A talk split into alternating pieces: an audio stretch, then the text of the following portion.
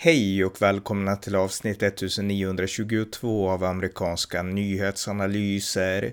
En konservativ podcast med mig, Ronny Berggren, som kan stödjas på swishnummer 070-30 28 95 0.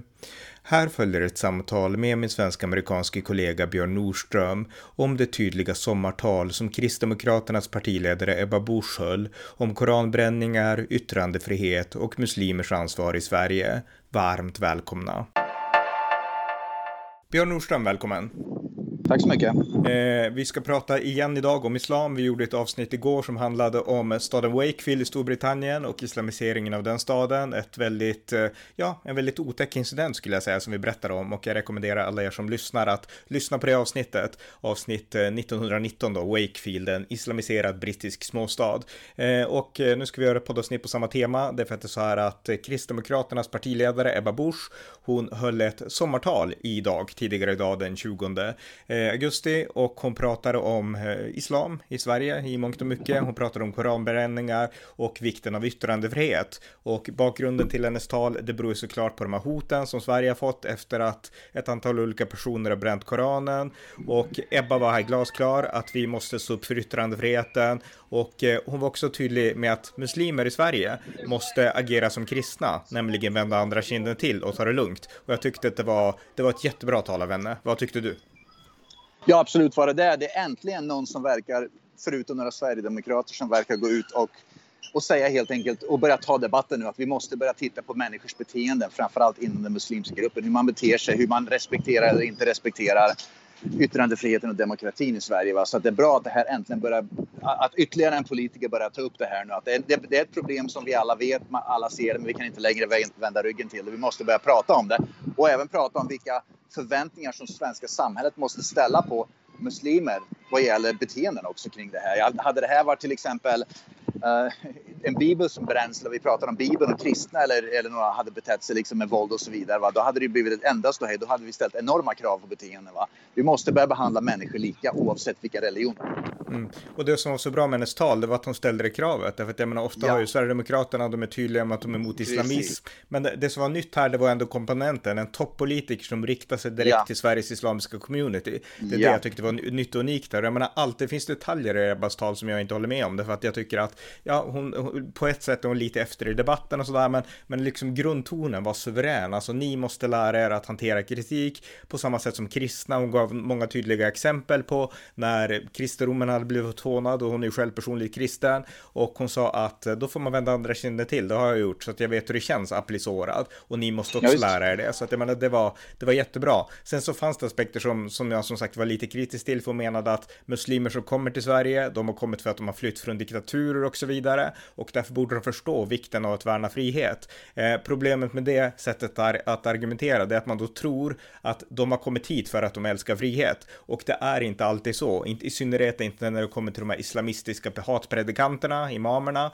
Eh, de har kommit hit för att de är förföljda, men också för att de får leva fritt här. Och de har kommit hit för att de förföljdes för sin islamism, alltså för sin jihadistiska teologi i länder som Egypten och Saudiarabien och så. Jag menar, de länderna har nolltolerans mot jihadism, medan vi i Sverige vi har liksom öppnat dörrarna för jihadister. Jag menar, ta, ta de här som kämpade för Isis. Jag menar, om Irak skulle få lägga händerna på dem så hade Irak, som är muslimskt, hängt dem allihop liksom. Men till Sverige får de komma och leva på socialbidrag, så att det är ganska ironiskt just den skillnaden. Så att jag tycker att hon missade lite den aspekten. Men det var inte syftet med talet, utan syftet var att vi måste stå upp för yttrandefriheten och även muslimer måste inse att yttrandefriheten är helig i väst och acceptera det på samma sätt som kristna gör. Så att ett bra tal liksom överlag. Ja, absolut. Och den enda journalisten som jag ser nu, skribenten, jag får läsa mycket eh, ledarsidor och så vidare, det är vad heter han, Adam Sveiman på Göteborgs-Posten har skrivit några nyliga ledarsidstexter om just det som vi pratar om här. Att, att det har blivit, han har blivit ganska rakt på sak också mm. med, med det här. Så det börjar äntligen komma fram en, en ledarskribent och då en politiker och så vidare, förutom Sverigedemokrat som börjar ta upp det här. Så att jag tror att alla vet om och det ligger och, liksom, det ligger och brygger nu, som kaffe som brygger ungefär, att det här måste, vi kan liksom inte ignorera, vi måste ta upp det. Va? Mm. Och det som är så intressant är ju det att ganska snabbt efter det här talet så var det ju flera stycken, och naturligtvis så är det ju många muslimer då inom social media, som, som på, i, Sverige då, i social media som börjar omedelbart kritisera Ebba Busch för, för det hon sa. Och man blir nästan, jag blir faktiskt ganska rädd när jag börjar läsa om, om jag gick in på några trådar i, i social medier och framförallt på Facebook, men jag läste även på Twitter, att det är, det är en enorm skillnad i hur många muslimer, det går inte att säga att det är alla muslimer, utan det, det, det är många muslimer verkar det som, som inte alls ställer upp på det här med yttrandefrihet och demokrati i Sverige. Och det är någonting som är väldigt skrämmande. Jag, jag tog en debatt på Facebook på en sida, en muslim, en muslim som driver den, en muslim som framförallt kritiserade Ebba Busch för, för det hennes tal då. Så jag tog en debatt med ett par muslimer där då om yttrandefriheten i Sverige och så vidare. Va? Och jag tror inte att vi överhuvudtaget kom till någon form av överenskommelse eh, kring yttrandefrihet och demokrati, utan det är att poängen som, man, som vi pratade om igår lite grann, det är att Koranen är en helig bok för muslimer. Därför måste Koranen bli en helig bok för alla, oavsett vem du är, även i Sverige. Och därför måste Koranen skyddas och vara helt annorlunda. Med andra ord, istället för att acceptera att svenska lagar och regler, yttrandefriheten, och demokratin funkar så här, då måste svenskarna acceptera att Koranen är helig för muslimer. Därför måste Koranen eh, helt enkelt ställas utanför yttrandefriheten och skyddas på ett helt annat sätt. Och det är väldigt, väldigt otäckt och ens att den debatten sker i Sverige. Men det var det som jag debatterade på, i Facebook med ett par olika muslimer. Va?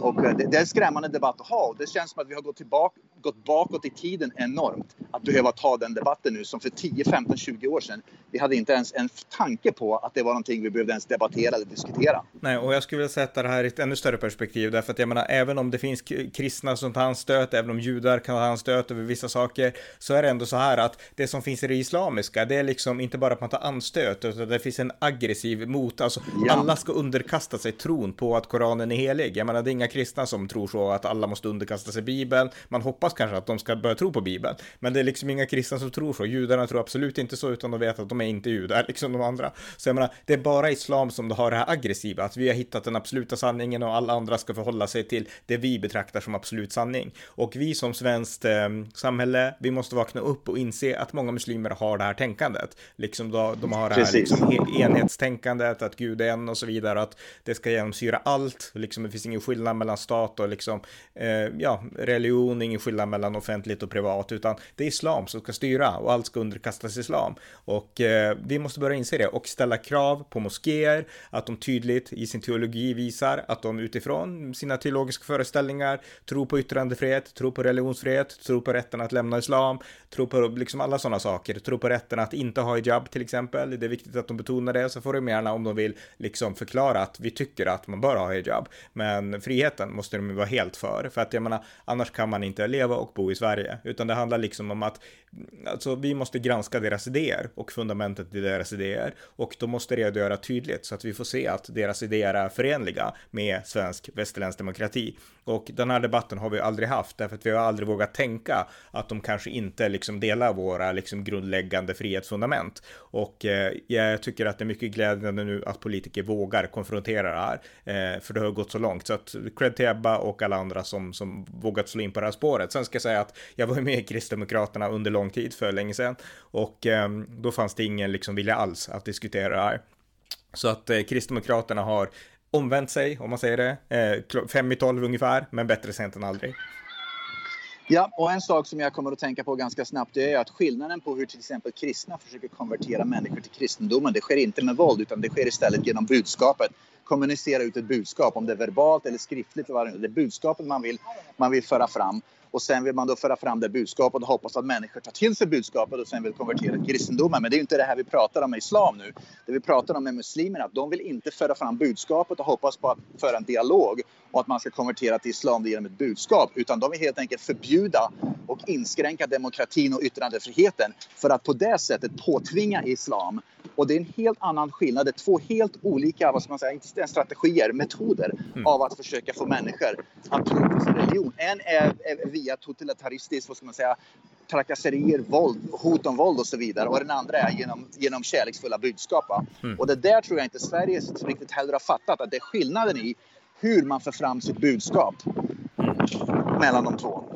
Och det, det, de poängerna missar vi helt. Ja, vi verkligen vi missar dem totalt. Sen jag menar i det initiala skedet, precis som vi pratade om igår, då vill de ju liksom vara fredliga och vi är snälla och man får valet fredligt och lugnt att konvertera till ja. islam eller tolerera precis. islam eller åtminstone acceptera islamsyn på till exempel hädelse och då låta bli att avteckna Mohammed eller bränna Koran eller någonting som de tar anstöt av. Det, det gör fredligt och så är liksom, nu vill vi ha lugn och ro så liksom låt bli så, så blir det bra. Men om man inte låter bli, då blir det det här våldsamma liksom. Så att det visar ändå Precis. att det är deras syn som ska pressas på i slutändan. Och det är där vi måste dra en glasklar gräns liksom i ja. förhållande till det här. Det är muslimer som måste inse att de får tro på Allah om de vill, de får tro att Mohammed är Allahs profet.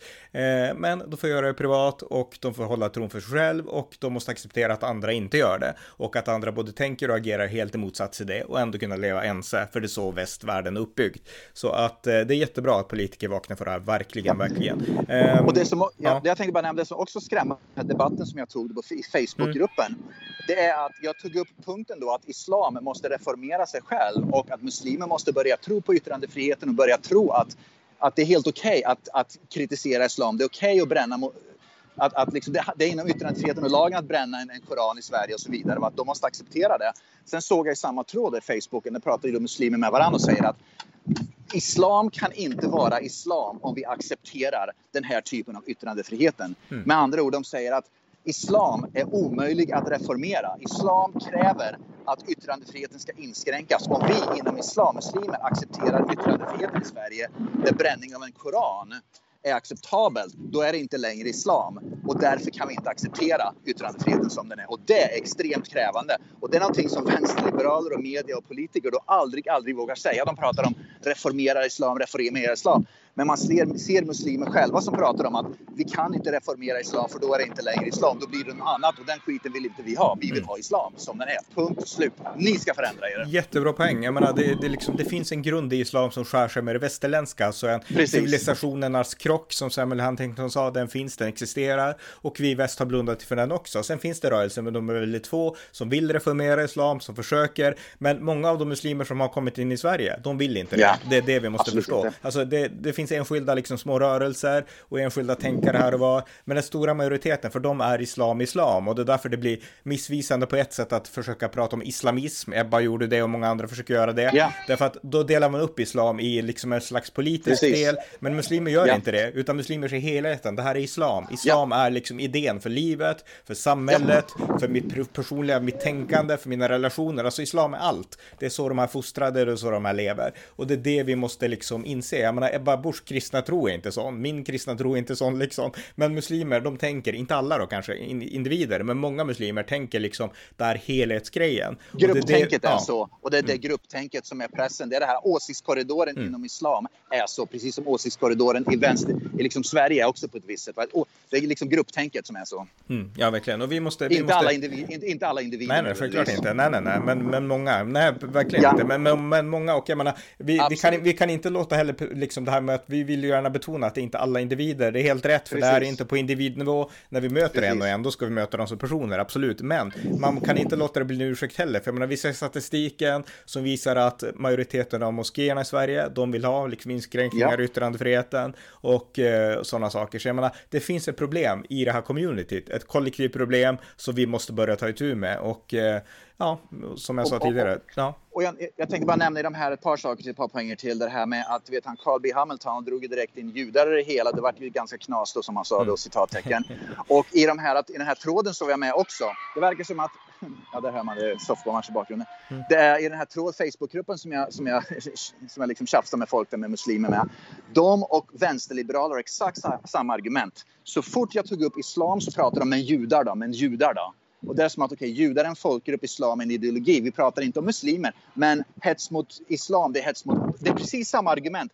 Det verkar som att liksom, muslimer, mm. islam och, och vänsterliberaler driver exakt samma korkade argument. Så mm. fort man drar upp någonting om islam, då är det judar, judar, judar. Mm. Ja, ja, som, som, som man liksom ja. drar in på. Och, ja. och, istället för att diskutera ämnet i fråga om islam, då ska judar in i bilden. Mm.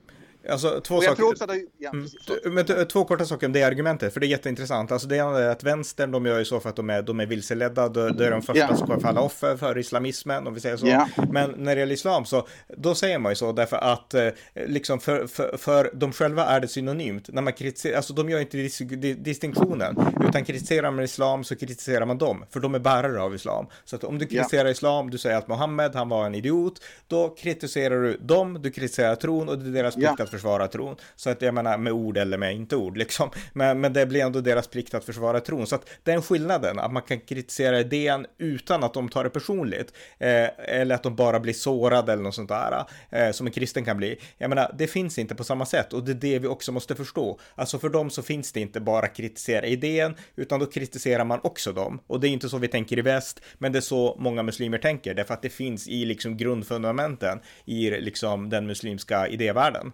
faktiskt. Och, och, det var precis det som jag, som jag, vad ska man säga, där vi fastnade i en diskussion då med ett par muslimer i, i den där gruppen då. Där jag försöker förklara då att från, från ett demokratiskt västerländskt sekulärt perspektiv, Koranen är en bok, muslimer är människor, islam är en ideologi eller religion, eller mm. både och. Så vi måste skilja på de tre begreppen. Men muslimerna i gruppen kan inte skilja på det. Det är det som är så svårt, för de är allting inbakat i ett och samma. Va? Mm. Så om man går efter ett av dem, då går man efter alltihopa, hela liksom, all, allt och alla. Och det är det som är så stort problem då, att vi har människor som kommer från ett, ett väldigt, vad ska man säga, väldigt fundamental tro där man inte kan skilja på självklarheter för oss som är självklarheter inom västvärlden. Mm. Vi skiljer på en bok, vi skiljer på en grupp människor, vi skiljer, skiljer på en ideologi. Jag kan mm. kritisera en bok, jag kan kritisera ideologin. Mm. Men att människorna som individer behöver jag nödvändigtvis inte kritisera på samma sätt därför att det, det, det är något helt annat. Va? Men att ja. de kan inte skilja på det och det är väldigt otäckt att vi har en sån stor grupp i Sverige nu mm. som inte kan göra de väsentliga skillnaderna. Vi kan inte längre alltså diskutera med, med rationella argument och logik det här utan det blir enbart då bråk och gräl, konflikt och så småningom Mm. Ja, eh, men det är extremt otäckt. Och jag menar, våran podd från igår, podd 1919, Wakefield, den islamiserad brittisk småstad. Ni som lyssnar här, lyssna på den om ni inte har lyssnat på det avsnittet. För jag menar, det exemplifierar verkligen alltså den här totala oförståelsen. När man bara ska köra sitt race, man säger att man är moderat och vi är liksom fredliga, vi är emot våld. Men då ska man köra sitt race rakt av och alla ska acceptera att Koranen är helig. Och liksom behandla den som någon helig bok, liksom, trots att vi inte tycker det. Och vi måste ju, alltså muslimer i Sverige måste inse att eh, svenska svenskar tycker inte att Koranen är helig, för svenskar så är Koranen bara en bok. Och då får jag gärna tro att den är helig, det är helt okej, okay, men då kan inte gå omkring och bete sig som att alla andra måste tycka kax som dem i den frågan. Det är extremt viktigt att vi kommunicerar det tydligt som en enad västvärld. Jag, jag, vet inte om jag miss... Flygplan flyger mm. nu. Jag, jag vet inte om jag missuppfattar Ebba Busch, men, men min förståelse för vad det hon sa, det är det jag också säger om man kommer från ett land där till exempel islam praktiseras och man inte accepterar och respekterar svenska yttrandefriheten och där man istället vill inskränka yttrandefriheten baserat på sina muslimska och islam då, då kanske det är dags att börja tänka på att flytta till något annat land än Sverige. Va? Mm. Det är liksom dit jag har kommit nu, att vi kan inte längre ha den här acceptansen att det kommer hit människor i stora, stora, liksom hundratusentals människor som är här eller kommer hit då mm. och vägrar acceptera och respektera vår yttrandefrihet. Det är kanske är dags att börja fundera på vad gör vi med de här människorna? För konkret skillnad att sitta och prata i en podd så här mm. om problemen, det är liksom, det leder, men till sist, vad gör vi med om vi, om vi har liksom en stor andel av svenska befolkningen i mm. Sverige som helt enkelt vägrar acceptera, vägrar respektera svensk demokrati och yttrandefrihet och istället kräver att vi ska inskränka allt det där för att mm. anpassa oss till islam. Vad gör vi med dem? Vad, vad, vad liksom konkret gör vi till sist? Vad Nej. ska man göra? Eh, två saker. Alltså, det var extremt bra pengar av Ebba. Hon hade helt, alltså att hon bara pekar ut det var jättebra. Men vad man gör, man börjar med att liksom ta bort alla bidrag. Liksom, vi kan inte ha ett bidragssamhälle ja, liksom, på sådana ja. avseenden. Kulturföreningar, liksom islamiska separatistföreningar som förespråkar liksom könsseparatism och liknande. Inga skattepengar dit såklart. Jag menar, det är så man gör och sen så liksom vi ja, måste gå från ord till handling helt enkelt. Sen går man vidare därifrån. Ja. Vi kan inte längre Nej. hålla på att hetsa och vad ska man säga, att hetsa, att försöka inskränka demokrati och yttrandefriheten. Då, om ni gör det, då kommer det att finnas konsekvenser för er. Ja. Då har ni inget här att göra. Vill ni leva här, acceptera yttrandefrihet, demokrati. Annars kommer vi dra in det här, dra in det här, mm. dra in det här och göra ert liv så obekvämt så att ni till sist, om ni, är, om ni vill fortsätta ja. driva islamism och islam i Sverige på, på en fundamental kurs, då, då kanske det är bättre att ni reser tillbaka hem helt enkelt. Ja, men lite så alltså. Men samtidigt så, jag menar, du ska kunna vara muslim i Sverige, men då måste du ha liksom, nej, nej, jag förstår det, men jag vill bara säga det, men då måste du liksom betrakta religionen på samma sätt som kristna betraktar sin religion, det är väldigt enkelt. Där vi är ja. Och, det, det börjar bli väldigt öppet ja, nu. Men det var det som var så glädjande, att Ebba tog ja. upp den aspekten. Har ni den formen av islam, då passar det inte här. Alltså det var ju så glasklart ja. så att det var suveränt. Så att vi avslutar här med att jag ska spela ett klipp för er som lyssnar då, av Ebbas tal, för det var jättebra. Ni kan höra hela på Facebook, på Kristdemokraternas hemsida eller på YouTube och sådär. Så att, eh, men okej, tack Björn. Tack så mycket. Vänner, Sverige har de senaste månaderna försatts i ett mörkt säkerhetspolitiskt läge utav främmande makter som på vår bekostnad vill stärka sina positioner och sprida sina ideologier. Hoten mot Sverige ökar, från Ryssland men också från våldsbejakande islamism. Vår egen säkerhetspolis har höjt terrorhotsnivån från 3 till 4. Storbritanniens utrikesdepartement varnar sina medborgare för terrorangrepp på svenska gator. Det har föreslagits att Sverige skulle förbjuda bränningar av heliga skrifter, Koranen. Göra det olagligt att på ett sådant känsloladdat sätt uttrycka sin avsky mot en religion. Kraven kommer från islamistiska diktaturer, men det kommer även från opinionsbildare i Sverige, däribland flera muslimska ledare. De vill inte att man ska få håna eller kritisera en religion. Det är inte förenligt med ett modernt samhälle. Det är inte förenligt med en demokrati. Vi har alla ett ansvar, men inte minst muslimska samfund, att förklara att i en demokrati måste man acceptera att andra hånar och kritiserar vad man själv uppfattar som heligt. Och att makten i kränkningen försvinner om man vänder bort blicken, vänder andra kinden till. Om, notera om, de anser att en sån demokratisk yttrandefrihet är oförenlig med deras tolkning av islam, då har den typen av islam inte någon plats i Sverige. Tack för att ni har lyssnat på amerikanska nyhetsanalyser. En podcast som kan stödjas på swishnummer 070-30 28 95 0 eller via hemsidan på Paypal, Patreon eller bankkonto. Skänk också gärna en donation till valfri Ukraina-hjälp. Allt gott tills nästa gång.